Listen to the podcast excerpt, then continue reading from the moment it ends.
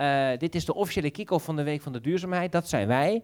Dit wordt opgenomen en dit wordt dan vervolgens inderdaad wijd verspreid onder iedereen die iets wil weten van verspilling eh, in de zorg en duurzaamheid. Want dat is het thema van, eh, van deze linkse mannen Los het op. We lossen vandaag, Wilbert, verspilling in de zorg op. Ja. Wordt er veel verspeeld dan, Bram? Eh, of moet, je- is, is dit wat je wilde? Nou, weet ik Een niet. soort voorzet? Ik dacht, ik betrek je alvast bij het gesprek. Ja, is goed.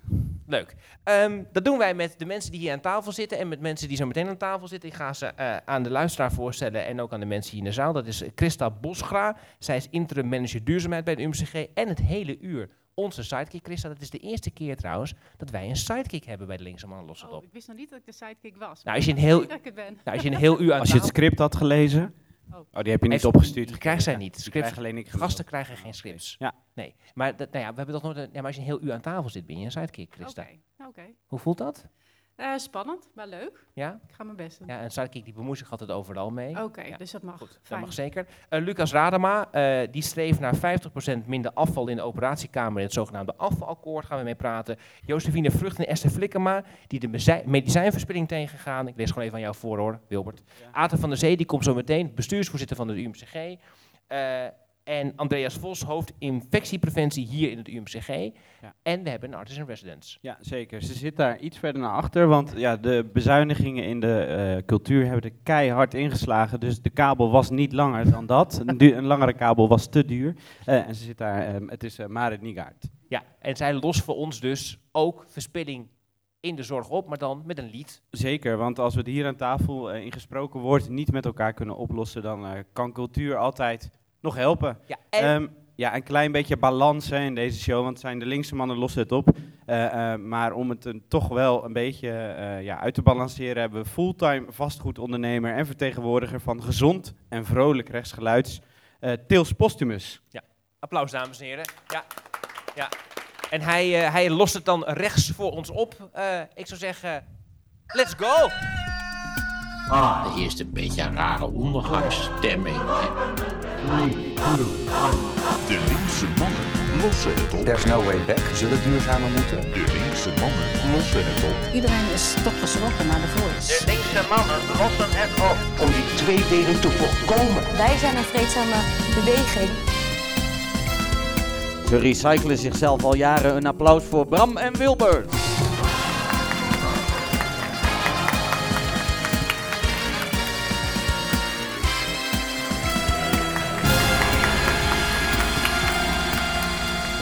Welkom bij de Linkse Mannen Los het op van maandag 9 oktober 2023. En wat lossen we vandaag op, Wilbert? Ja, verspilling in de zorg.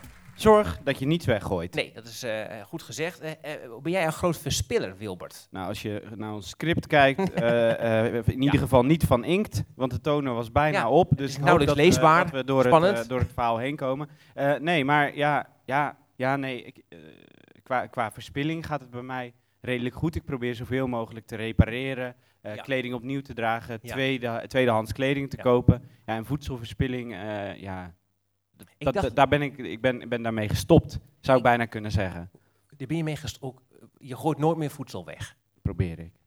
Oké, knap. Ja. Mij lukt dat minder, denk ik. Ik, had, ik, had betrapt, ik ging gisteren nadenken over deze vraag. Verspil ik veel? Ik denk wel veel minder dan eerst. Maar ik heb één soort van valkuil. Dat ik als ik soms dan kom ik bij zo'n supermarkt en dan koop ik daar zo'n broodje Ja. uit die verse broodjesbak. En dan koop ik altijd nog zo'n vies, vuil plastic zakje. De, weet je wel? Wat voor, wat, wat voor plastic? ja, die, die trek je dan uit zo'n dingetje. En daar doe je dan je, je, bijvoorbeeld je bolletjes in. Oh, want jij bent bang dat, daar gaan we zo, zo meteen misschien meer over horen, over infectie. Ja. Hè? Je bent bang dat als je dat, dat, dat, dat bolletje dan naakt op de rolband legt, dat het Ja. dan heel erg vies zal worden. Dat, dat, dat is een hele dat allemaal grote mensen angst. op gehoest hebben. Dan denk ik dat, ja, dat is een grote angst voor mij. Klopt dat, Christa? Nou, je hebt nu ook die mooie textiele Ja, nee, dat weet ik. Nee, dat snap ik. Dat vergeet ik dan dus de hele tijd. Dus ik moet die dan, zit weer niet in mijn tas vandaag. Dan heb ik gewoon, ga ik weer naar huis. Maar, dus ik moet dat, dat is nou, ik, ik, ik, ik, ik, zeg maar, ik bieg gewoon iets op hier, hier, Ja. hè, aan jullie allemaal. Ja. Dan Maar moet je- moet je- zo bond als de, in de zorg maak jij het niet. Hè? Zo bond in de, als in de zorg maak ik het, eh, maak ik het zeker niet. Eh, we lossen het ook op, dus niet alleen Wilbert met eh, de gasten aan tafel, maar ook met de artist in residence. Misschien een goed moment om die even voor te stellen. De artiest in residentie. Ja, want we nemen dus altijd een artiest in residentie mee. In dit geval is dat eh, Marit. Marit, wat voor kunst maak jij? Hallo. Ehm, ik, ik schrijf liedjes. eh kleinkunst, popliedjes in het Nederlands. Dus eh, dat ga ik vandaag ook weer proberen te doen. Ja. En hoe heb je je voorbereid op dit thema? Nou, ehm, ik, ik had nog niet veel gelezen over eh, verspilling in de zorg. Maar ik ben wel biologie-student. En we, op het lab hebben we ook altijd veel dingetjes die je dan altijd maar weggooit. Welk lab? Het, ja, het, het, het lab. Eh, Het lab. de dingen waar je... d- ja, nee, ja, Het lab. het lab. Ehm, maar toen vroeg ik mijn vader erover, want die eh, zit in het green team van Isala. Ja. Eh, en die heeft het heel veel over verspilling van medicijnen. Dus die, had me, die heeft me echt een uur nou ja, verteld over de dingen. Dus ik Gemansplained. Ben een beetje... be- ja, Gedeadsplained. Gedeadsplained, precies. Ik ben eh, licht geïnformeerd, eh, Ja. maar ik ben heel erg benieuwd naar vandaag. Ja. En voor de mensen met te weinig kennis over zi- ziekenhuisnamen, Isla is een ziekenhuis. Oh ja, ik dacht ook al, ja goed. Jij dacht gewoon een random iemand. Ik, ik, ik vraag het maar niet, dacht ik. Maar in- oké, goed. Heb jij een green team? Nee, Thuis? Precies. Ja, ziekenhuizen hebben dus een green Ja, team. ik, Jij thuis, niet. ik ben, eh, ja, ik Ja. ben niet het green team thuis, Nee. denk ik. Nee. Hey, en, en Marit, eh, ehm, om mensen een beetje vertrouwen te geven in cultuur en in het oplossend vermogen daarvan, ehm, eh, heb jij al wel eens een probleem opgelost met kunst? Ik los eigenlijk heel veel problemen op met kunst. Eh, en ook specifiek door er liedjes over te schrijven. Maar dat zijn dan vaak wel mijn problemen. Ja. Ehm, dus om dan externe problemen op te lossen, dat, eh, dat wordt nog een uitdaging. ja. Maar welk probleem van jezelf heb je bijvoorbeeld wel eens met een liedje opgelost? En kan je daar misschien iets van laten horen ook? Dat kan wel. Ehm, dit liedje gaat over het probleem dat ik niet genoeg stilsta. Schrijf eens over de wolken en dat ze gewoon wit zijn en verder niks. Zing eens over de bloemen, gewoon hoe ze staan daar langs de weg die ik fiets. Want als het nu toch mooi is, dan hoeft het ook niet anders, dan is het gewoon goed. Nu moet het gewoon mooi zijn, het is niet moeilijker dan dat. Gewoon goed. Gewoon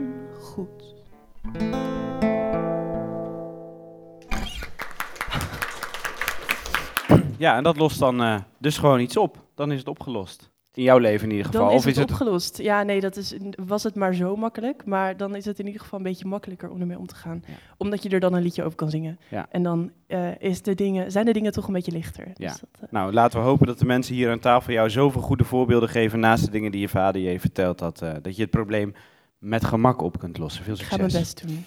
Eh, ja, dan eh, hebben we natuurlijk ook eh, dus altijd iemand nodig die eh, vanuit een ander perspectief nog de dingen oplost. En aangezien wij de linkse mannen zijn, is het altijd om een, eh, fijn om iemand te hebben die dat vanuit een ja, vrolijk rechtsgeluid doen. Tils Postumus.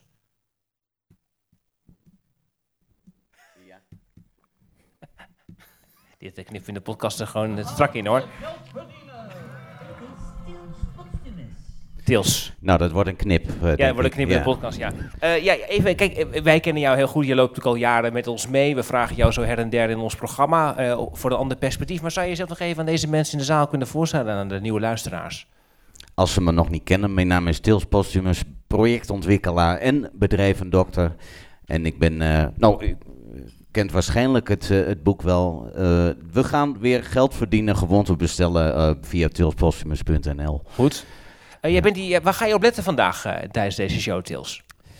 Ja, het, het laatste wat ik wist van de ziekenhuiswereld is dat dat nog echt een lekkere macho-cultuur was. Ja, ja. Nou begrijp ik dat ook hier de wolk weer toegeslagen heeft. nou, ik hoop vanmiddag keihard aan die noodrem te kunnen trekken, Ja, want ja, er is geen ontkomen aan. En nou, ik hoop dat in elk geval op te En lossen. dit is voor jou ook al vanmiddag. Voor mij is het nog gewoon vanochtend half tien. Maar ja, jij bent Oh, natuurlijk al lang Ik- wakker. Ik heb mijn uurtjes al wel gedraaid eh, vanochtend. Ja, Goed zo. Tils Postumus, dames en heren. dank u.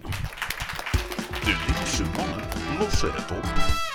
Ja, dan gaan we eh, dus praten over de verspilling eh, eh, in de zorg. En gek genoeg beginnen we eigenlijk eerst met een, zo van schets van de problemen en de oplossingen in één. En zo meteen gaan we kijken wat er nog veel meer moet gebeuren. Aan tafel dus nu zit Christa Bosvra, manager duurzaamheid. Daarna zit Josephine Vlucht en Esther Flikkema. Zij zijn, tegen, zijn bezig met het tegengaan van de verspilling van medicijnen in de zorg. En daarna zit Lucas Radema. Hij is bezig met het afvalakkoord. Ehm, Christa, ik begin met jou. We lossen deze aflevering dus verspilling in de zorg op. Wat wordt er dan zo al allemaal verspild? Ehm, heel veel. Wij eh, ehm, jaarlijks zijn er 2,8 miljoen kilo afval wat eh, hier het ziekenhuis uitgaat. Dus dat zijn heel wat vrachtwagens die dagelijks eh, wegrijden met heel veel afval. Eh, dus er wordt veel verspeeld. Het, eh, als je kijkt naar per ziekenhuisbed is het ongeveer 2000 kilo per jaar. Maar als je het misschien nog kleiner maakt, want het is een heel groot probleem, maar als je het klein maakt, eh, is het ongeveer 25 kilo wat per operatie wordt verspeeld 25 kilo. En, aan afval. aan afval. En dat is, wat, voor, wat voor type afval is dat dan? Ehm, nou, als je kijkt per OK-patiënt, zijn dat ongeveer 500 handschoenen. Per OK-patiënt? Ja. 500 handschoenen? Ja, Dat is veel. bijna 300 eh, compressen, honderden eh, spuiten, eh infuuszakken, honderden per patiënt. Ja, Ja, dus en- dat is heel wat. Ja, en dat zou dus beter kunnen. Ja, Ja. ja. En dat is er niet, dat, dat kan ook gewoon zonder dat het meteen gevaarlijk wordt qua de veiligheid voor zo'n patiënt Het bijvoorbeeld. is natuurlijk eh, niet zomaar zo. Eh, dus het is ook niet heel makkelijk op te lossen. Maar er zijn zeker wel dingen die we kunnen doen om dat te verbeteren. Ja, nu is ook nog een, een, een Green Deal is er dan afgesloten. Ja, Eh, niet alleen hier in het UMCG, maar eigenlijk bijna met alle zorgpartijen en zorgorganisaties. Wat is dat dan, die Green Deal? de hele zorgsector, en dat is heel mooi denk ik aan deze branche, die heeft zich verenigd omdat we echt zien dat dit een probleem is. Ehm, dus alle zorgverzekeraars, ziekenhuizen, iedereen heeft dit getekend. Eh, en die Green Deal die geeft ons eigenlijk heel veel richting van waar zit het probleem eh, en hoe kunnen we dat ook met elkaar oplossen. Ja, en wat, is dan, wat, wat staat er in die Green Deal? Eh, in de Green Zoal? Deal staat zoal dat wij bijvoorbeeld in 2030 eh 75% van ons afval moeten recyclen. Dus dat dat niet bij het restafval mag Mhm. eh, en dus verbrand wordt, maar dat we het gescheiden inzamelen en dus eh, gerecycled kunnen. Hoeveel is het dan nu? Eh, het is nu 33%. Dat is optimistisch, dat is zeven jaar. Ja, Ja. dat is een hele taak. Ja, ja dat kunnen we ook niet ja. alleen. Wopke Hoekstra gelooft daar niet in. Tenminste, gelooft daar niet in, gelooft er nu in één keer wel weer in. Ja, ja, ja.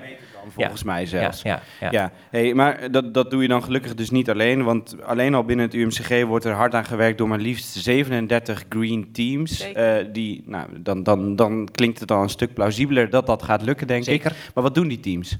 Eh, ja, het, het mooie is aan de Green Teams dat die echt eh, bij hun afdeling gaan kijken van hoe kunnen wij nu ervoor zorgen dat we het afvalprobleem oplossen en dat we duurzamer eh, worden.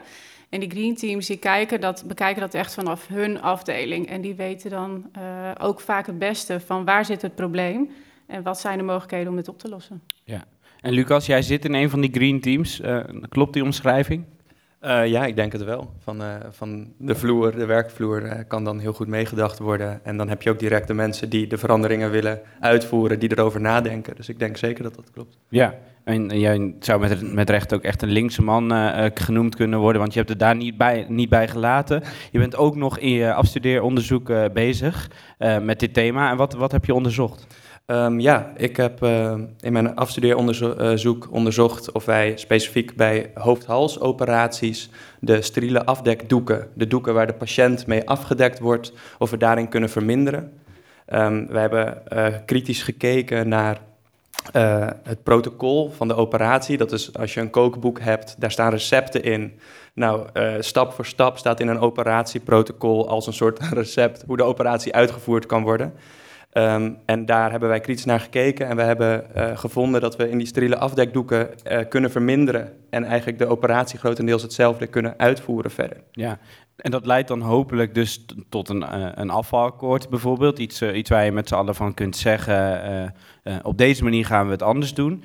Maar, maar kan je die operatieprotocollen wel, wel overal aanpassen? Is, zijn die niet heel, heel algemeen geldend of niet zo specifiek dat, ze, ja, dat, je, dat je daar van alles en nog wat, zonder bijvoorbeeld dat de veiligheid van de patiënt in het geding komt, dingen in kunt aanpassen?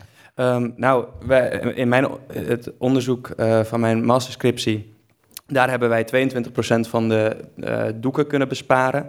En daarin hebben wij onderzocht eh, onder het personeel of zij het net zo fijn werken vonden als voorheen. Ja. En daaruit bleek eigenlijk dat er vrijwel niemand op enkele uitzonderingen na ehm, vond dat vervelend. Eigenlijk was het een heel positieve reactie. Mensen, het, het ging sneller, er was minder afval.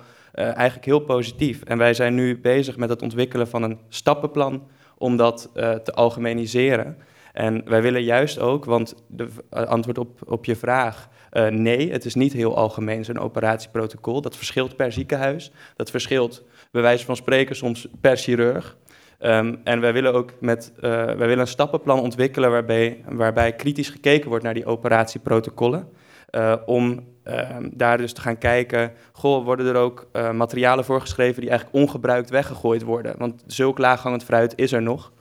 En um, door de verantwoordelijkheid terug te leggen bij de chirurg en bij de OK-assistenten, dat willen we met ons plan doen, uh, willen we juist dat het ook weer vanaf de werkvloer mensen zelf de veranderingen kunnen doorvoeren. Hoe, Lucas, hoe kan het zijn dat het per ziekenhuis of per chirurg verschilt, zo'n operatieprotocol? Is er geen nationale of internationale richtlijn? Nou, dus er zijn richtlijnen. Uh, dat wordt een, een, een, buikoperatie wordt niet vanuit de hals gestart in het nee, ene dat, ziekenhuis. En dat dus snap ik. Er zijn, er zijn bepaalde standaard uh, zaken, uh, maar de, de details daarvan die verschillen. Ja. Dus dat betekent dat een ene, ene, de ene chirurg of het ene ziekenhuis kan veel meer afval hebben bij een operatie dan een andere chirurg of een ziekenhuis. Kan in, ja. een, in een ziekenhuis al. Er, er is hier um, halschirurgie vanaf de KNO. En ook vanaf bijvoorbeeld de oncologische halschirurgie. Ja. Die kunnen bepaalde operaties al van net een andere hoek, uh, hoek uitvoeren. Ja, en even, even, ik wil even, omdat ik het ook even plat wil slaan voor luisteraars die nu uh, naar deze special van de linkse mannen luisteren, denken: dit is lekker, lekker gedetailleerd en technisch. Als we het over dan uh, steriele afdekdoeken bij een hoofd-halsoperatie hebben, dan heb ik wel een idee van dat het dan zeg maar hier zo ongeveer bij je bij je nek dan nog in je hals, je hals moet je dan zeggen, zit en zo. En dat zorgt ervoor dat het bloed of zo dan niet op de rest van je lichaam komt. Maak het eventjes een beetje beeldend voor de nou, luisteraars. Lucas? nou, het, het zit niet alleen bij de hals, het gaat echt over het hoofd tot aan ja. de tenen. Ja? Um, oh ja, dat is, dat is, veel groter dan ik had gedacht. Ja, ja. Uh, precies. Uh, dat is ook de vraag, dat soort dingen zijn vaak niet helemaal onderzocht, hoe, hoe groot dat gebied nou moet zijn. Dus dat, dat is een beetje zo ontstaan. Um, maar... Um, Kun je de vraag nog één keer herhalen? Nou ja, ik, maak het beeldend, zeg maar. Dus zo ziet het er dan ja. uit. En, oh, wat ja. en, wat doet het dan? Het zorgt ervoor dat je... Ja, dat het nou, je creëert bloed spuiten normaal gesproken natuurlijk uit bij zo'n hals. Dat begrijp ik wel. nou, je, je, creëert daarmee een, een, gebied waar geen bacteriën zitten. En die Aha, doeken die zijn steriel. Dus die zijn uh, zo gemaakt dat daar uh, geen bacteriën op zitten. En dat betekent dat je minder infecties kan uh, krijgen door die operatie. Dus je wil schoonwerken. Zo'n mm -hmm. chirurg staat ook helemaal mm -hmm. steriel verpakt. Dus bacterieloos. En dat is wat je daarmee probeert. Ja, en ik dacht, het is misschien goed om het dan ook aan de patiënt te vragen. Als je het ook aan de chirurg vraagt, maar de patiënt onder narcose natuurlijk. Dus het maakt hem niet uit of er meer of minder doeken verspeeld worden. Nou, het, het, het moet veilig. Dat is het belangrijkste. Um, dus daarom focussen wij ook meer op het, het laaghangend fruit met echt doeken die ongebruikt weggegooid worden. Uh, dat is waar wij in mijn onderzoek de meeste... Oké, goed. Dan gaat het even, gaat helemaal plat staan, hoor, want we gaan he dat het helemaal begrijpen. Dus, maar er worden dus meerdere doeken gebruikt tijdens een operatie? Ja. Omdat namelijk als een doek helemaal vies is, moet er een nieuwe doek komen? Nee, een patiënt wordt gewoon met meerdere doeken ja, af... Uh... Geen idee hoor, ik vraag het maar gewoon. Ja, daarvoor zijn we er. Daarom lossen we dit op natuurlijk. Hè, ja, ja, je, de domme mannen, mannen de domme mannen lossen het op. Dit. um, nee, er wordt bij een hoofd, hoofd, hoofd-halsoperatie, dan wordt het hoofd afgedekt met Ja? een doek. Dan wordt Ah, eh, vervolgens onder het operatiegebied wordt een doek gebruikt. Nou, dan wordt er nog een doek gebruikt ja. om een doek op te hangen tussen de operatie en Goed. de anesthesie. Nou, zo door. Maar niet alle doeken die dus dan voor een operatie worden klaargelegd, worden vervolgens gebruikt. En dat is zonde, maar die worden dan wel weer weggegooid. Ehm, als ze al gebruikt worden. Want er zijn ook Aha, pakketten die open gaan. Daar zit dan een standaard pakket. Daar zitten allemaal doeken in. En daar worden dan sommige doeken ook niet van gebruikt. En dat, soms is dat gewoon zo ontstaan. En dan kom jij en jij zegt dat je moet eigenlijk van tevoren moet je veel beter bedenken wat je gaat gebruiken tijdens een operatie. Dat is eh, waar wij ons op gaan richten. Ja, Ja. En, hoe- en hoe gaat het? Dan ga je in gesprekken met chirurgen en dan zeg je van wat doe je eigenlijk en kan het niet een stukje minder? Beste Ehm, nou, vriend? we willen het gesprek, eh, dat hebben we al heel vaak gevoerd. eh, maar we willen nu eigenlijk een soort op papier een stappenplan geven voor gemotiveerde chirurgen, waar eh, er heel veel van zijn. We worden heel veel benaderd van, goh, wij willen graag ehm, verduurzamen in ons ziekenhuis. Dus de, de, de wil is er en wij willen een soort hulpmiddel geven om dat of voor operaties te gaan doorvoeren. Eh, in een soort stappenplan van, goh, let eens op je afdekdoeken, let op je instrumenten en dan met stappen waar je duurzaamheidsverbeteringen kan eh, implementeren.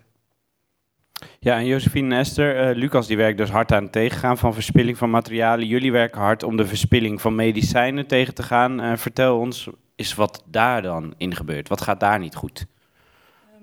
Ja, ik kan er wel iets over vertellen. Ehm, ja, normaal gesproken als een patiënt hè, bij ons op de afdeling wordt opgenomen, dan eh, krijgt hij medicatie vanaf de ziekenhuisapotheek. Ehm, nou ja, en dan ehm, ehm, dan, dan, dan krijgt u medicatie en... ehm, ik moet even denken, Josephine hoor.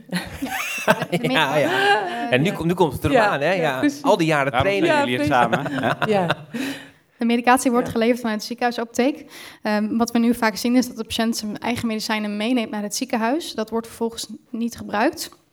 Ehm, nou, daar hebben we gezien van, god, daar, nou ja, dat is best een optie. Daar zouden we best over na kunnen denken, dat, dat die medicijnen worden gebruikt. Maar wordt nu niet gedaan. Gevolg is dat er gewoon heel veel medicijnen worden besteld eh, in het ziekenhuis. Dus even ook- weer, want jullie gaan heel snel en dat is heel goed, begrijp ik wel. Medici die denken, ja, dit is gesneden koek voor de mensen thuis. Maar je wil, ik laat, wil meteen, neem jij als een voorbeeld, oké? Jij gaat in het ziekenhuis, je hebt medicijnen thuis. Ja. Jij komt hier Ja. en alle medicijnen die, die nog over zijn, die die heeft gebruikt, die moet hij allemaal weggooien en dan krijgt hij gewoon een heel setje nieuwe medicijnen hier. Bijvoorbeeld, maar het kan ook zo zijn dat je in het ziekenhuis komt en eh, jij komt hier voor eh, een, een, een opname van twee dagen of drie dagen.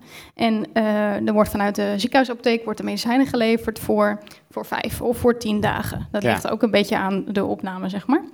Maar als jij na drie dagen naar huis gaat, dan wordt voor zeven dagen wordt de rest van de medicatie wordt weggegooid. Ja. Dat kan niet hergebruikt worden, dus dat gaat gewoon regelrecht de prullenbak in.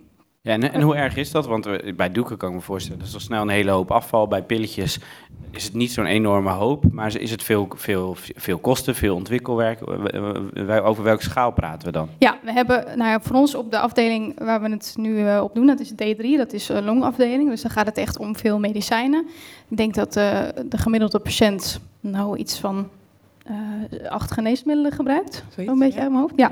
Dus eh, als we het dan hebben over acht geneesmiddelen per dag en dan bijvoorbeeld zeven dagen eh, die worden weggegooid aan medicijnen, Ja, dan, ga- dan 56. gaat het heel hard. Ja, ja, Dan- precies. ja. Ja, en, eh, en, en, en dat die medicijnen kosten, neem ik aan, ook een hoop geld. Exact, ja. Ja, Dat is ja. ook, ja. Dus het is, dat is misschien wel interessant voor Tiels Post. Tiels, ja, gelijk, die- weet die je, we gaan weer geld verdienen. ja, we gaan- ja, hij knikt wel heel dat we hard, die ja, medicijnen weer kunnen verkopen. En maar ik neem, dat dat is zeg maar voor mij stap 1 volgens mij, maar er is nog volgens mij een andere stap. Maar je hebt eigenlijk van twee volgens mij apotheken in het ziekenhuis. En die werken ook niet heel goed samen, toch? Dat is nu, eh, nu is de situatie, dat zijn twee gescheiden afdelingen. Ja. Eh, er wordt medicatie vanuit beide ziekenhuizen geleverd, of ehm, eh, apotheken, sorry, door de eh, ziekenhuisapotheek tijdens opname en door de proklinische apotheek bij ontslag. Ja.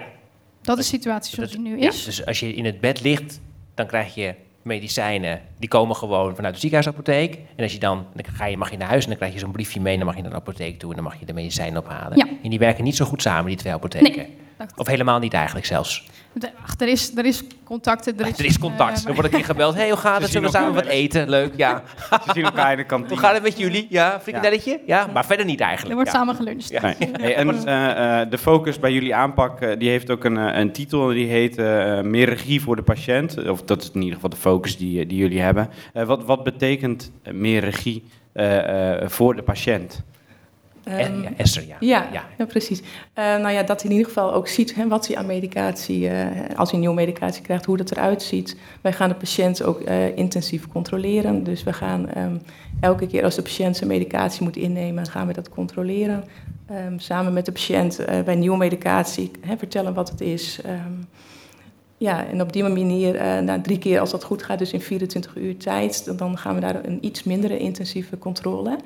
Eh, en zo laten de patiënt eh, uiteindelijk eh, meer die eigen regie. eh, Dus je krijgt eigenlijk je medicijnen, krijg je gewoon net als moet je, als je medicijnen hebt vanuit huis al, dan wordt er van jou als patiënt gewoon verwacht dat je op dezelfde manier dat eigenlijk zelf doorslikt of doorgebruikt. Met een klein beetje aandacht vanuit het ziekenhuispersoneel, maar voor Ja. de rest zoek je het maar lekker zelf uit. Nou ja, eigenlijk als patiënt bij ons komt, gaan we natuurlijk eerst kijken, is de medicatie die de patiënt meeneemt van thuis, is dat geschikt om door te gebruiken? Eh, en dat moet dan aan een aantal voorwaarden voldoen. En is dat oké, dan ehm, kunnen we die medicijnen doorgebruiken. Daarnaast gaan we dan ook kijken of de medicatie ook nog in eigen beheer kan. Ehm, dus dat zijn eigenlijk eh, twee stromen. Eh, mocht de patiënt de medicatie door kunnen gebruiken, maar niet in eigen beheer, dan houden wij dus als verpleegkundige de medicijnen eh, bij ons in de medicijnkamer in Mhm. aparte bakken. En dan zetten wij de medicijnen dus uit vanaf ehm, hun eigen medicatie. En dat blijven we dan aan hun delen per deelronde. Ehm, en kunnen ze het wel in eigen beheer houden, dan werken we met die intensieve en die reguliere controle. Ja, en ik kan me voorstellen dat je aan een uh, patiënt op de OK niet per se je vraagt van nee, meer of minder doeken. Uh, bij, deze, bij deze behandeling zeg je eigenlijk nou, um, we, we, laten de patiënt ook, nou, geven eigenlijk wat meer regie, laten die patiënt wat meer kiezen welke stappen we nemen. Kan je dat aan zo'n patiënt wel overlaten? Hebben die niet genoeg aan hun hoofd? Um, nou ja, we kijken natuurlijk van tevoren wel of de patiënt geschikt is daarvoor. Um, nou ja, hij moet uh, nou in ieder geval uh, goed Nederlands kunnen spreken. Uh, hè, in ons project dan even, zeg maar. Um, niet verward zijn. Um, nou, ik, er nog meer dingen? Wat je ook voornamelijk doet, is als patiënten die, je thuis, die zich thuis prima redden, die komen hier in het ziekenhuis en dan nemen wij de hele situatie van ze over. Terwijl dat soms helemaal niet hoeft. Patiënten redden zich prima thuis. En dan komen ze hier en dan wordt eigenlijk alle regie afgenomen. Nemen wij dat over. Als dat niet hoeft, als die patiënt zich prima redt, ook in het ziekenhuis, dan kunnen wij door bepaalde criteria, die we natuurlijk nog wel uh, doornemen met ze bij opname, maar kunnen wij heel makkelijk zeggen, ja, we kunnen gewoon in principe de thuissituatie door laten gaan in het ziekenhuis, want het is verantwoord, het gaat gewoon goed, wij hoeven niet de regie over te nemen, die kunnen we bij de patiënt laten in een gecontroleerde setting. Maar als het niet kan, en daar hebben we uh, goede criteria voor. Uh, dan nemen wij die zorg over. Maar dan kunnen we nog wel tijdens de opname kijken: goh, kunnen we nog wel naar de situatie toe waarbij de patiënt met ontslag wel thuis naar die setting toe kan. Hey, en en, en dan, uh, dan, dan gaan die apotheken beter met elkaar praten, zodat die zeg maar, het medicijngebruik, zeg maar, zowel van thuis als naar huis gaan, als in het ziekenhuis beter op elkaar afgestemd zijn. Je gaat sowieso veel minder medicijnen ga je weggooien. wat levert dat dan ons op, Josephine en Esther?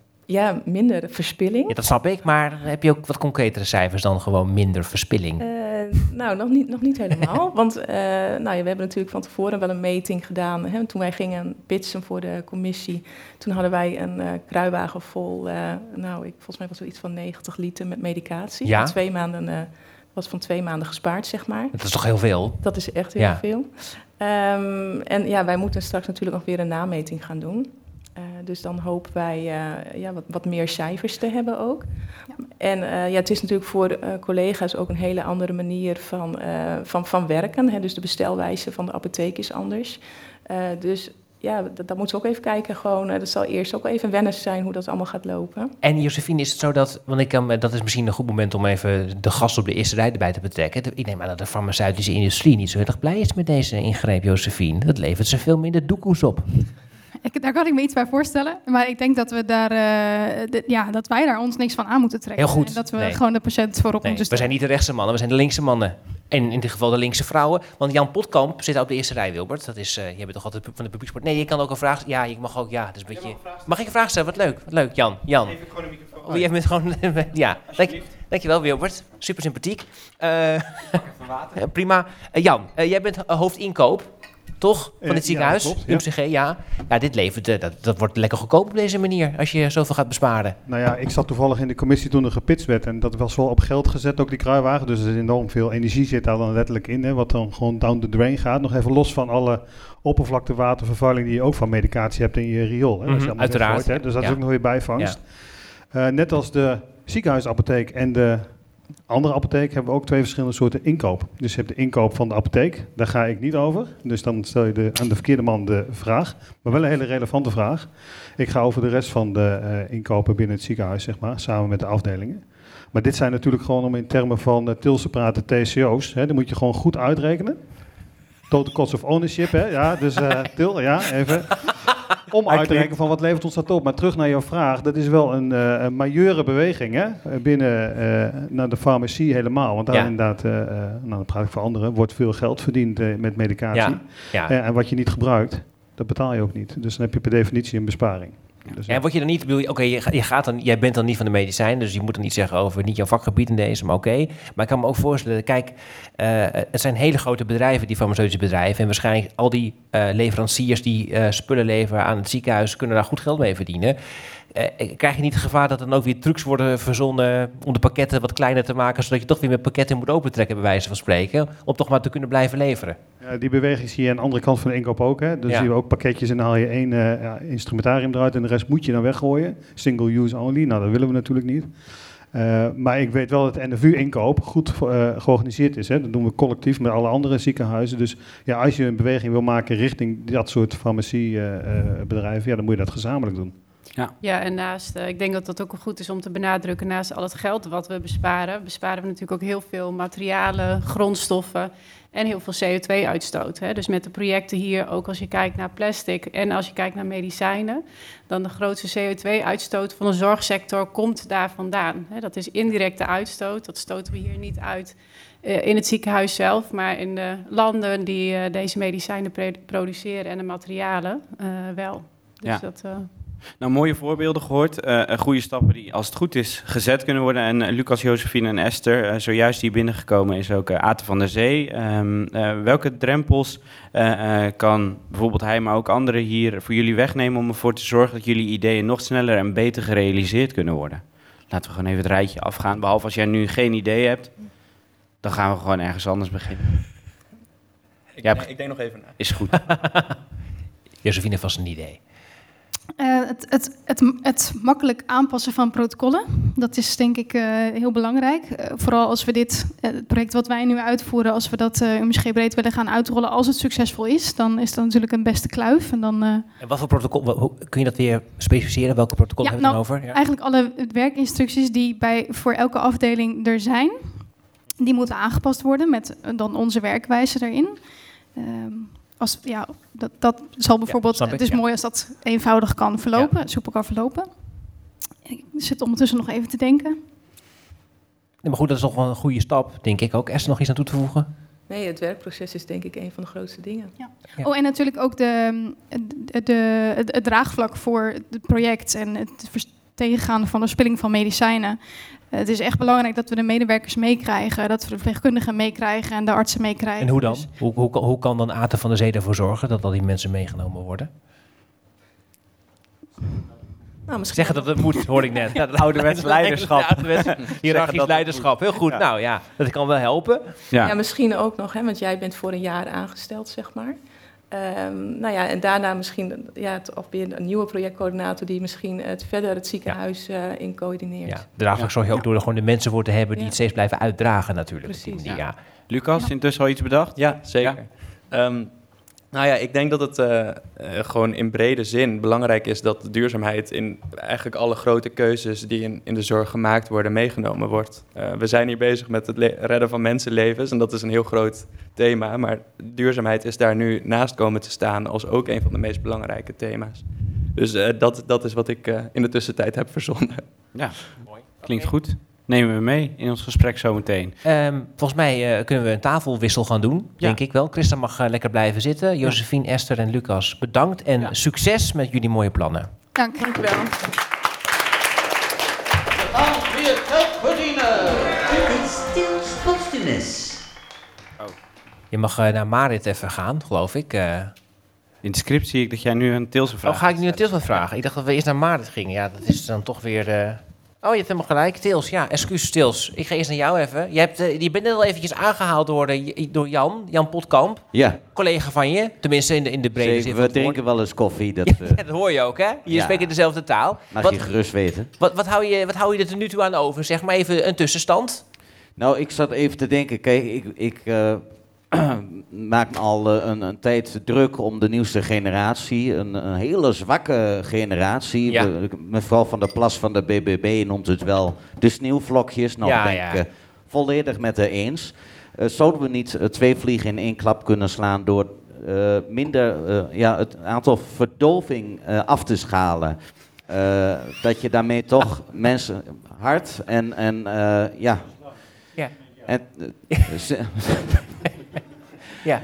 Nou, er wordt gelijk gereageerd. Ja, ik denk dat- dat, ja. dit een mooie gesprekstarter al Dus is. minder verdoving eigenlijk, dan verspil je minder medicijn en dan maak je mensen En- ook wat weerbaarder weer. Precies. Ja. Ja, dat ze Mooi. niet van het minst of gings op de kast zitten. Ik denk dat we daarmee onze TCO's eh, wel omlaag zouden kunnen ja, brengen. heel goed. Ja. Ja. Dankjewel Tils, blijf goed luisteren en zo meteen komen we met een eindoplossing.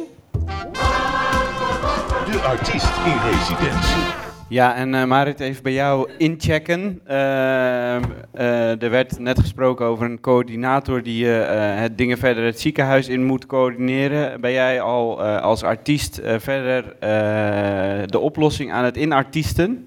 Het, het, misschien dat ik, ik... Ik ben mezelf heel hard coördinatie aan het geven. Het is, het is lastig om, om het allemaal in te nemen. En dan tegelijkertijd, het is veel tegelijk, maar ik doe mijn best. En ik, eh, ik ben, eh, nou ja, net als Stils heel goed aan het opletten. Ja. Dus, Ook een mooie zin zijn eigenlijk van de patiënt in het ziekenhuis. Het is lastig om het allemaal in te nemen. Het is veel tegelijk, maar ik doe mijn best. De linkse mannen Goed, aan, aangeschoven eh, is, eh, zijn nu eh, Andreas Vos, hoofdinfectiepreventie, noem ik hem maar even namens het UMCG. Dat is, je bent meer dan dat, dat weet ik, maar voor dit programma is het even helder, toch? Prima zo, hè? En ga maar even, schrijf een beetje in die microfoon, dan kunnen we het beter verstaan. En Aten van Zee, de bestuursvoorzitter van het UMCG. Nou, eh, meneer Van der Zee of Aten, eh, er is meteen wat geadresseerd, zeg maar, aan... Hè, we hebben gesproken over eh, medicijnverspilling, over materiaalverspilling. Er is geadresseerd, u kunt meteen wat gaan doen. U kunt de protocollen dusdanig aanpassen dat er beter over nagedacht wordt. Is dat iets waar u meteen mee aan de slag kan? Nou, ik ga zelf de protocollen niet aanpassen, maar als het een goed idee is om een protocol aan te passen en de patiënt wordt er beter van, direct doen zou ik zeggen. Ja, maar dat kan ook gewoon dus. Zo simpel is het. Ja. Nou, zijn we daarmee klaar. Andreas, klopt dat? Heeft hij gelijk? Absoluut. Nou. ja, Marit, ben je bijna klaar? ja. Ehm, laten we dan even eh, eh, wat meer uitzoomen. Want meneer Van der Zee, hoe groot is die duurzaamheidsopgave van het UMCG eigenlijk? Groot. Ja, en dan kunt u daar iets meer over vertellen. Nou ja, in welke termen bedoel je? Ja, ik- qua uitstoot, qua Ja. energiegebruik, qua Begin maar alles. Ja, ergens. die is heel groot. En als UMCG hebben we ons gecommitteerd aan de Green Deal. Ja. En die doelen liggen vast tot en met 2050. Dus dat is, eh, en die zijn best ambitieus. En wij eh, doen op allerlei manieren ons best om daaraan eh, te voldoen. Ja, en, en, en ik, dit gaat over verspilling van, van medicijnen of van materiaal. Dat is natuurlijk maar een, een, een onderdeel. Hoe belangrijk is dat onderdeel in die Green Deal voor de UMCG? Zo, zeg dat nog één keer. Ik ga even dit openen. Mag, wat, open, wat open je nu eigenlijk? Nou, dit, staat, eh, dit is een eh, samenvatting van de doelstellingen die wij hebben op het gebied van eh, duurzaamheid. En daar houden we ook gewoon echt daadwerkelijk bij. Hè. Doelstelling 2030. En dan houden we bij of we wel of niet on track zijn op in 2026. En ook hoe we voorspellen of we wel of niet on track zijn in 2030. En dan laten, kijken we ook nog even of het wel of niet binnen de Green Deal past. En, en, en wat staat er dan in? En als je dat nu even... als ik dat dan eh, bijvoorbeeld eh, met betrekking tot schoon water, vermindering van medicijnresten, contrastvloeistoffen en cytostatica in het afvalwater. En dan eh, ook voor eh, Andreas, vermindering van resistente bacteriën en andere problematische microben. En daar zijn we, als ik dat dan zie hier, on track voor 2026 en ook on track in 2030. Groen bolletje staat erbij. Dus, Ja, ja, ja. dus ik Klaar. denk, ik bereid me even goed Heel goed, voor. ja. Nou, dat en is dan eh, zo staan we ervoor. Ja, en dat is natuurlijk gewoon, gewoon een, een, ch- een check, een groen bolletje, zoals ik het hier zie staan. Eh, maar, maar hoe werkt dat dan in de, in de, in de, in de praktijk? Welke eh, stappen worden er gezet? Op welke manier eh, spreken jullie hier als bestuur over? Hoe, hoe, hoe zet je je daarvoor in? Ja, wij krijgen één keer per drie maanden krijgen wij een update hiervan. En ehm, dan horen wij dus welke projecten er lopen, wat gaat er goed, wat kan er beter. En ik overdrijf het nu natuurlijk een beetje, want lang niet alle bolletjes zijn groen. En het is best een ingewikkeld eh, onderwerp. Jij weet het in, in veel meer details eh, dan ik. Ehm, eh, maar op die manier gaan wij daar als eh, bestuur mee om. En het begint natuurlijk mee aan, eh, begint ermee dat je je committeert aan de doelen die er zijn. En dan vervolgens ook daadwerkelijk volgt of datgene wat je met elkaar hebt afgesproken, of je dat ook bereikt. En daarbij ben je allereerst natuurlijk zelf verantwoordelijk. En wij zijn natuurlijk als UMCG ook onderdeel van onze omgeving en dus ook afhankelijk van wat er in onze omgeving gebeurt. Bijvoorbeeld een warmtenet in de stad Groningen, of dat er wel of niet komt, maakt voor ons heel veel uit over het wel of niet kunnen behalen van onze doelstellingen. Ja, maar dat lijkt me nog inderdaad, we hebben het hier over medicijnverspilling en materiaal. Dat is Oh, heel belangrijk. vandaag alleen over medicijnen. Nee, nee, maar ik wil net zeggen, volgens mij is het heel belangrijk ook om, om eh, eh, want daar hebben we het eigenlijk wel over gesproken en dat is ook een heel belangrijk onderdeel. Maar als je gaat, je kan ook gewoon over energieverspilling praten als het over verspilling in de zorg gaat. En dat is natuurlijk in dit gebouw, wat natuurlijk een, nogal een bijzonder merkwaardig gebouw is. Hoezo? Nou ja, het lijkt me vrij eh energie onneutraal. Nou, het is zeker ontworpen in een tijd dat daar, dat, dat zeker niet voor op de agenda. Dus daar heb je helemaal gelijk in. Dat zie je alleen al aan die enorme hoge ruimtes hier. Dat is natuurlijk allemaal, eh, en de, bijvoorbeeld ook de entree is natuurlijk heel hoog. En dus in die zin zeker niet eh, duurzaam Nee. wat betreft energiegebruik gebouwd. Dat klopt. Ja. En dus als je dan vervolgens nadenkt over hoe verander je dat, ja, dat gaat dan ook met heel veel geld gepaard. En dus dat voor een deel uh, doen we dan uh, binnen het normale vervangingsprogramma, als dingen vervangen, dan doen we dat wel op een manier dat je op die manier beter um, energiezuinig bent. Bijvoorbeeld nu gaan we volgens mij alle ramen aan de buitenkant. Jij weet Ja. het allemaal veel beter. Nee, Dus ja. zeg Jij het gewoon. Alle ramen aan de buitenkant Ja. die worden Nee, dichtgetimmerd. inderdaad, eh, HR2 plus. Ja, Oh ja. eh, Klopt. HR++ eh, beglazing en eh, alle bestaande bouw, eh, alle verlichting naar LED-verlichting. Oh ja. Dus we proberen zoveel mogelijk ook in de nieuwbouw, maar ook in de bestaande bouw onze eh, gebouwen te isoleren, zodat we inderdaad minder energie nodig hebben. En vervolgens inderdaad eh, eh, sluiten we ons nu aan op een zonnepark die 30% van onze energie gaat voorzien. Eh nou ja, warmtestad hopelijk in de toekomst waar we met de gemeente mee bezig zijn, wat ons gaat verwarmen. Dus dan kunnen we ook van het gas af. Ja. Dus Ja. dat zijn allemaal initiatieven eh, die- waar we nu hard mee bezig zijn. Ja.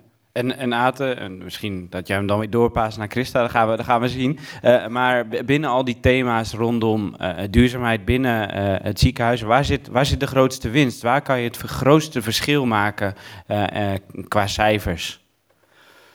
Nou, kijk, het begint er ook wel heel erg mee met bewustwording. En wat dat betreft vind ik dat ook wel heel mooi in het UMCG. Er zijn, eh, ik weet niet of jullie het daar al over gehad hebben, maar we hebben nu geloof ik 36 green teams. 37 zelfs.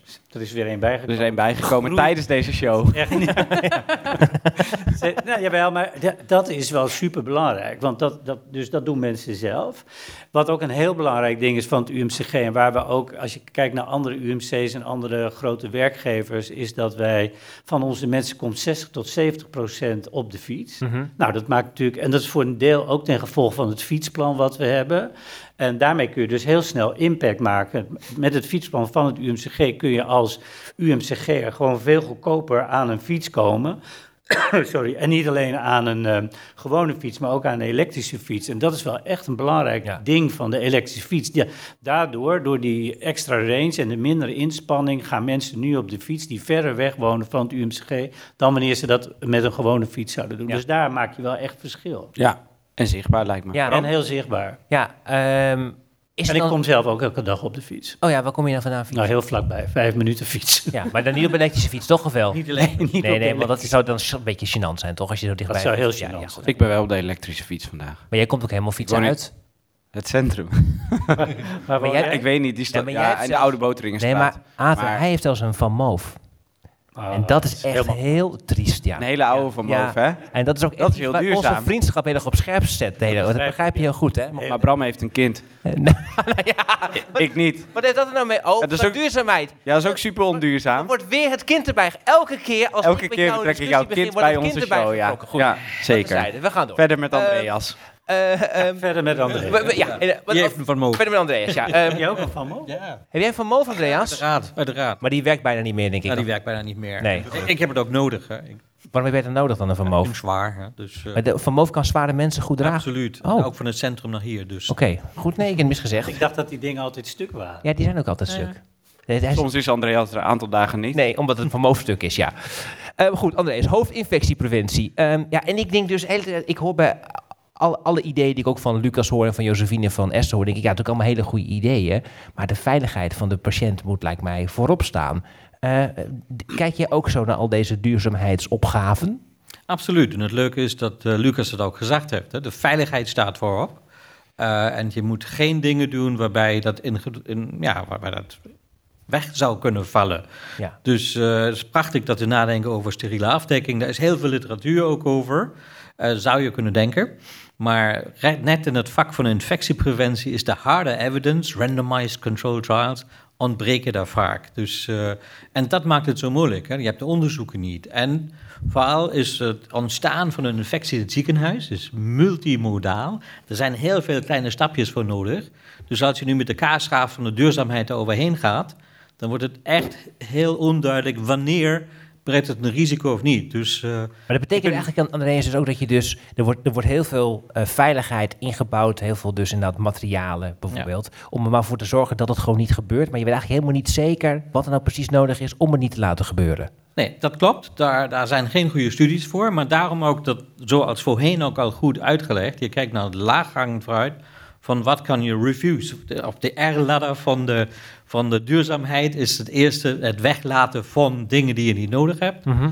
En, en dat is punt één. Hè? Of rethink, nummer twee. Dat is waar je dan kijkt van hoe doen we het anders. En het gewoon niet gebruiken van dingen die onnodig zijn. Of het weglaten van dingen die onnodig zijn. Daar gaat het over. En ik denk dat is de eerste stap waar je ook de meeste effect mee kan halen. Ja. En mag ik ook wat vragen? Want Zeker. worden sommige materialen ook nog steeds drie keer verpakt? Bestaat dat Eh, nog? Nou ja, dat dat bestaat soms nog als iets steriel moet zijn. Als je op de elkaar iets steriel wilt aangeven en die hebt geen omverpakking, en het is dus zomaar in dat zakje, dat zak jouw boterhamzakje, dus mee op de elkaar genomen, ja, dan is het echt niet meer steriel. Dus ja, er zijn nog indicaties waar je een transportverpakking, een omverpakking en de steriele verpakking zou moeten hebben, maar je moet het beperken tot het minimum. Ja, nou is het zo dat, eh, dat we, we hebben met elkaar even gebeld. Toen zei hij, ja, het is leuk eh, eh, hè, dit, maar, dat je de duurzaamheid zo wil verhogen en wil verbeteren in het ziekenhuis, verhoogt ook een klein beetje de risico's in het ziekenhuis.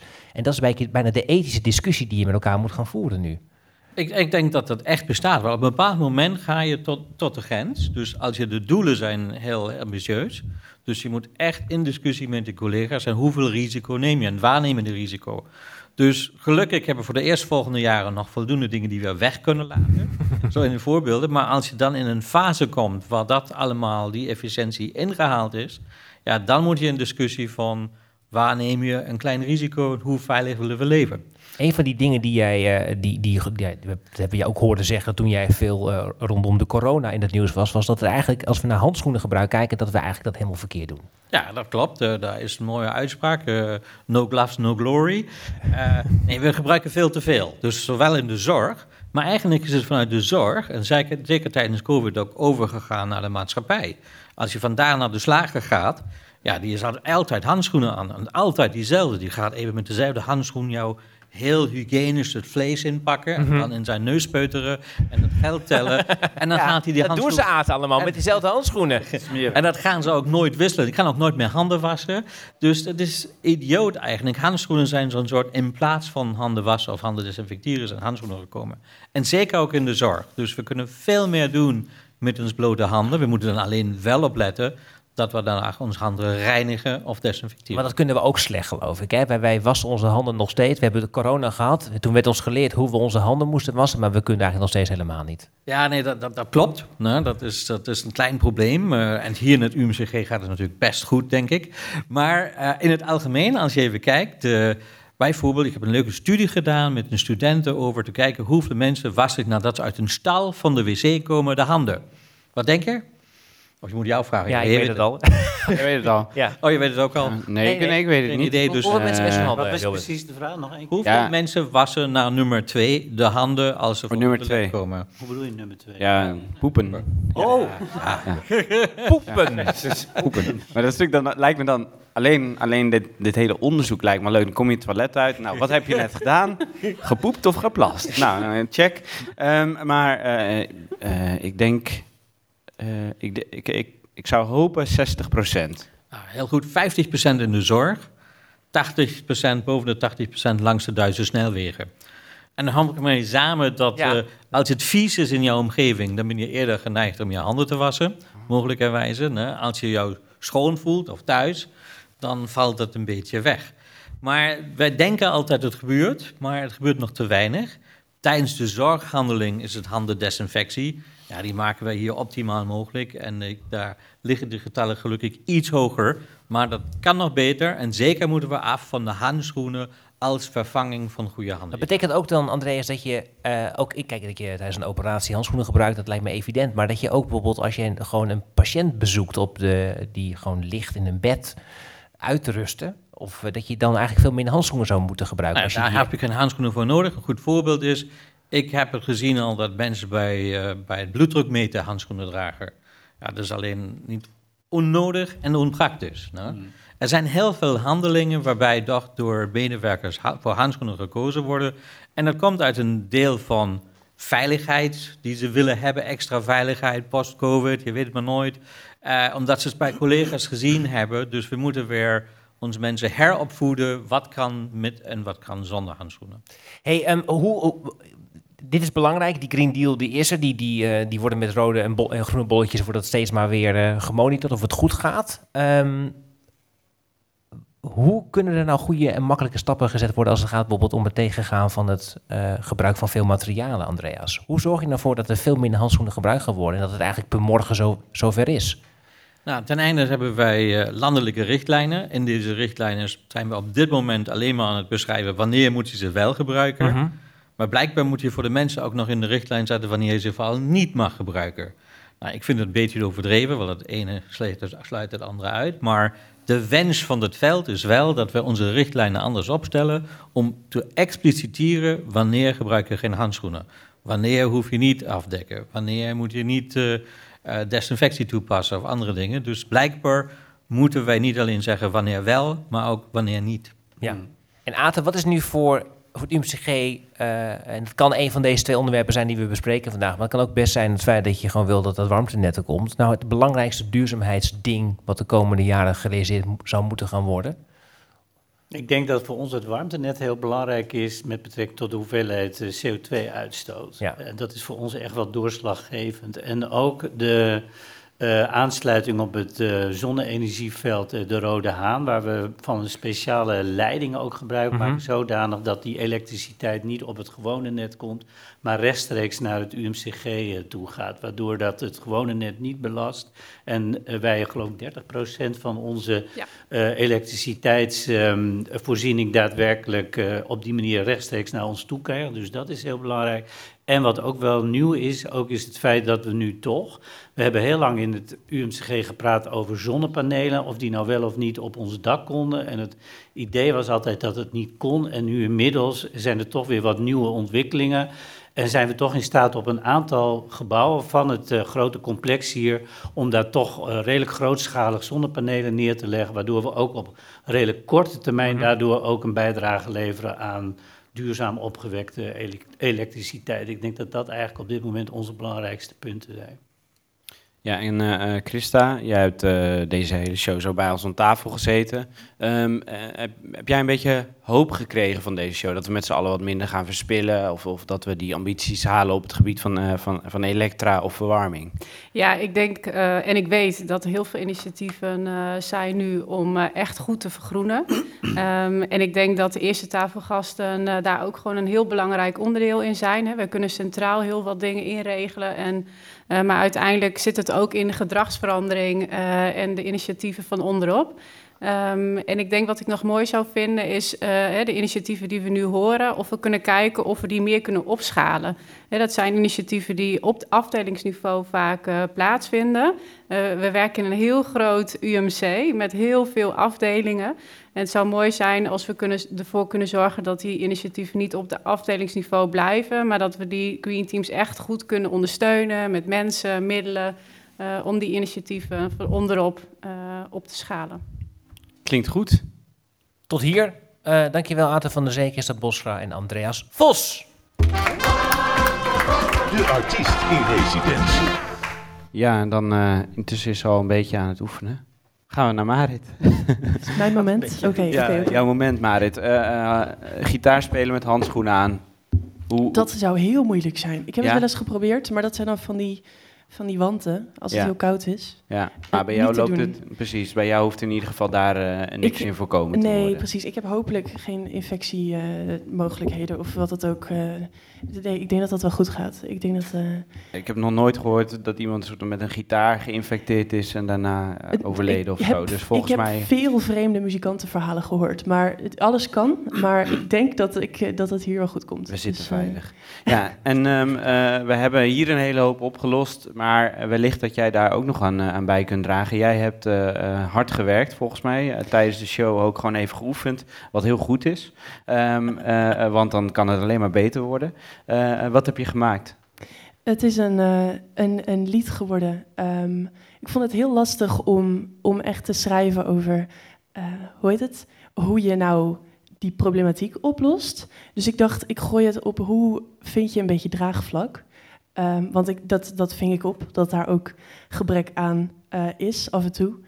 Ehm, dus ik, ik hoop het daar een beetje. Ik denk dat dat ook de rol kan zijn van kunst, om het een beetje menselijk te maken, Ja. de problematiek. We gaan luisteren. Veel succes. Dankjewel.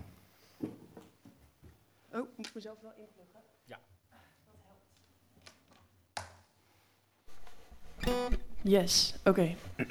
het heet Mevrouw is ziek.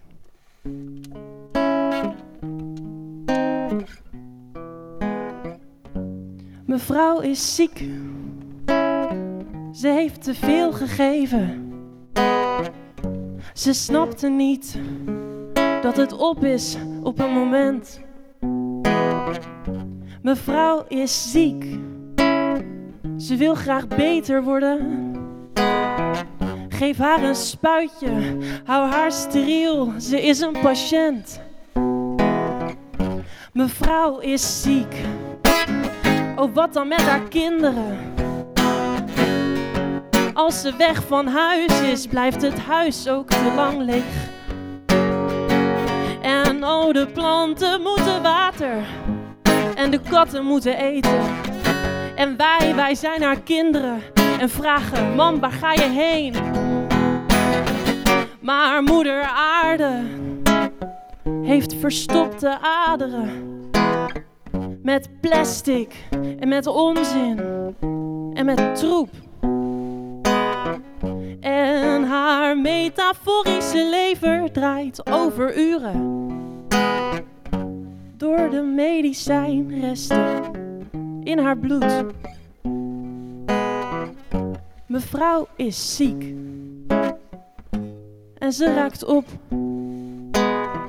En ze heeft zo lang, zo lang al ondertussen goed voor ons gezorgd.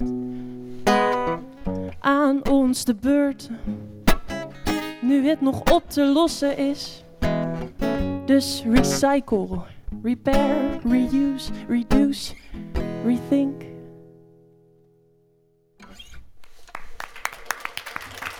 Dankjewel, Marit.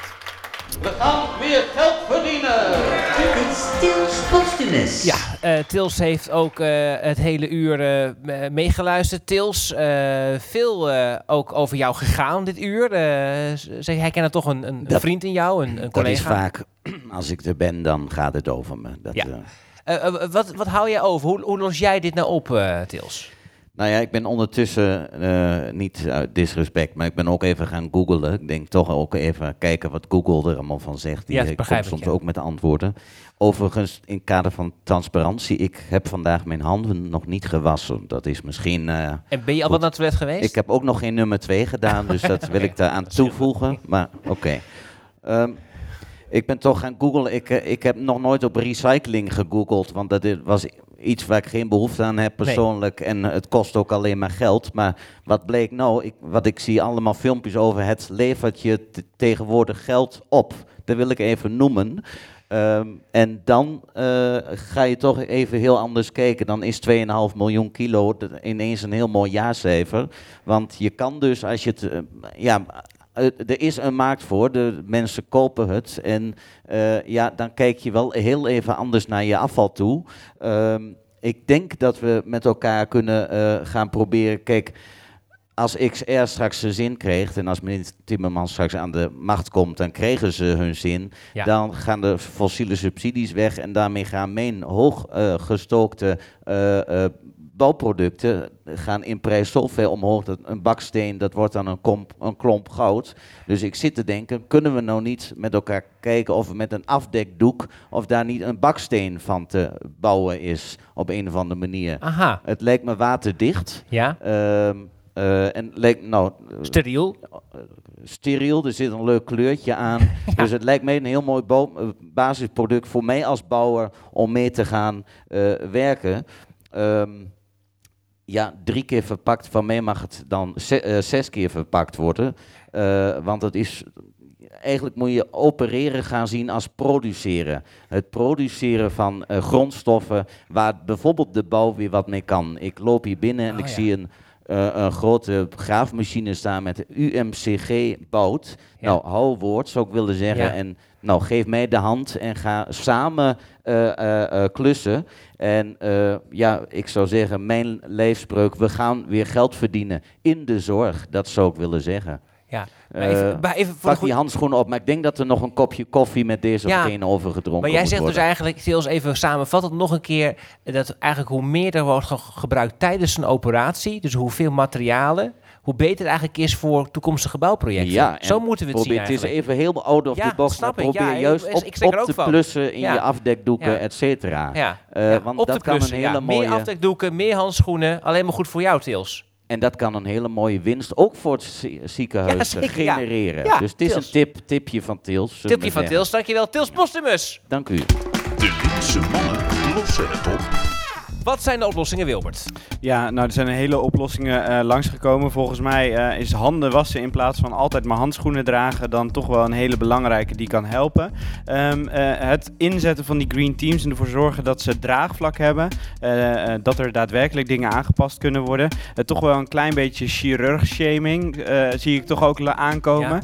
Er moet toch ook wel per persoon even gekeken worden hoeveel er verspeeld geworden wordt. En dan Ja. kan, je die, kan je die misschien gewoon zo'n, eh, eh, ja, een soort van dat je die de handschoen geeft. Dat geeft dan, eh, geeft dan aan dat hij het meest heeft verspeeld van het jaar. Dus die wordt dan met de Oh. nek aangekeken. Een jaar lang in het UMCG. Maar dan Of vind je dat het niet... nou, ik, vind, ik denk dat Aten van der Zee niet voor deze onveilige werkcultuur is. Nee, maar nou, goed, Aten eh, van der nee, Zee was nee. meer van, laten we gewoon zeggen dat ze het gewoon beter moeten doen. Dus dat helpt natuurlijk ook. Als dat vanuit het bestuur wordt gezegd en wordt verplicht, eh, dan, dan helpt dat heel erg.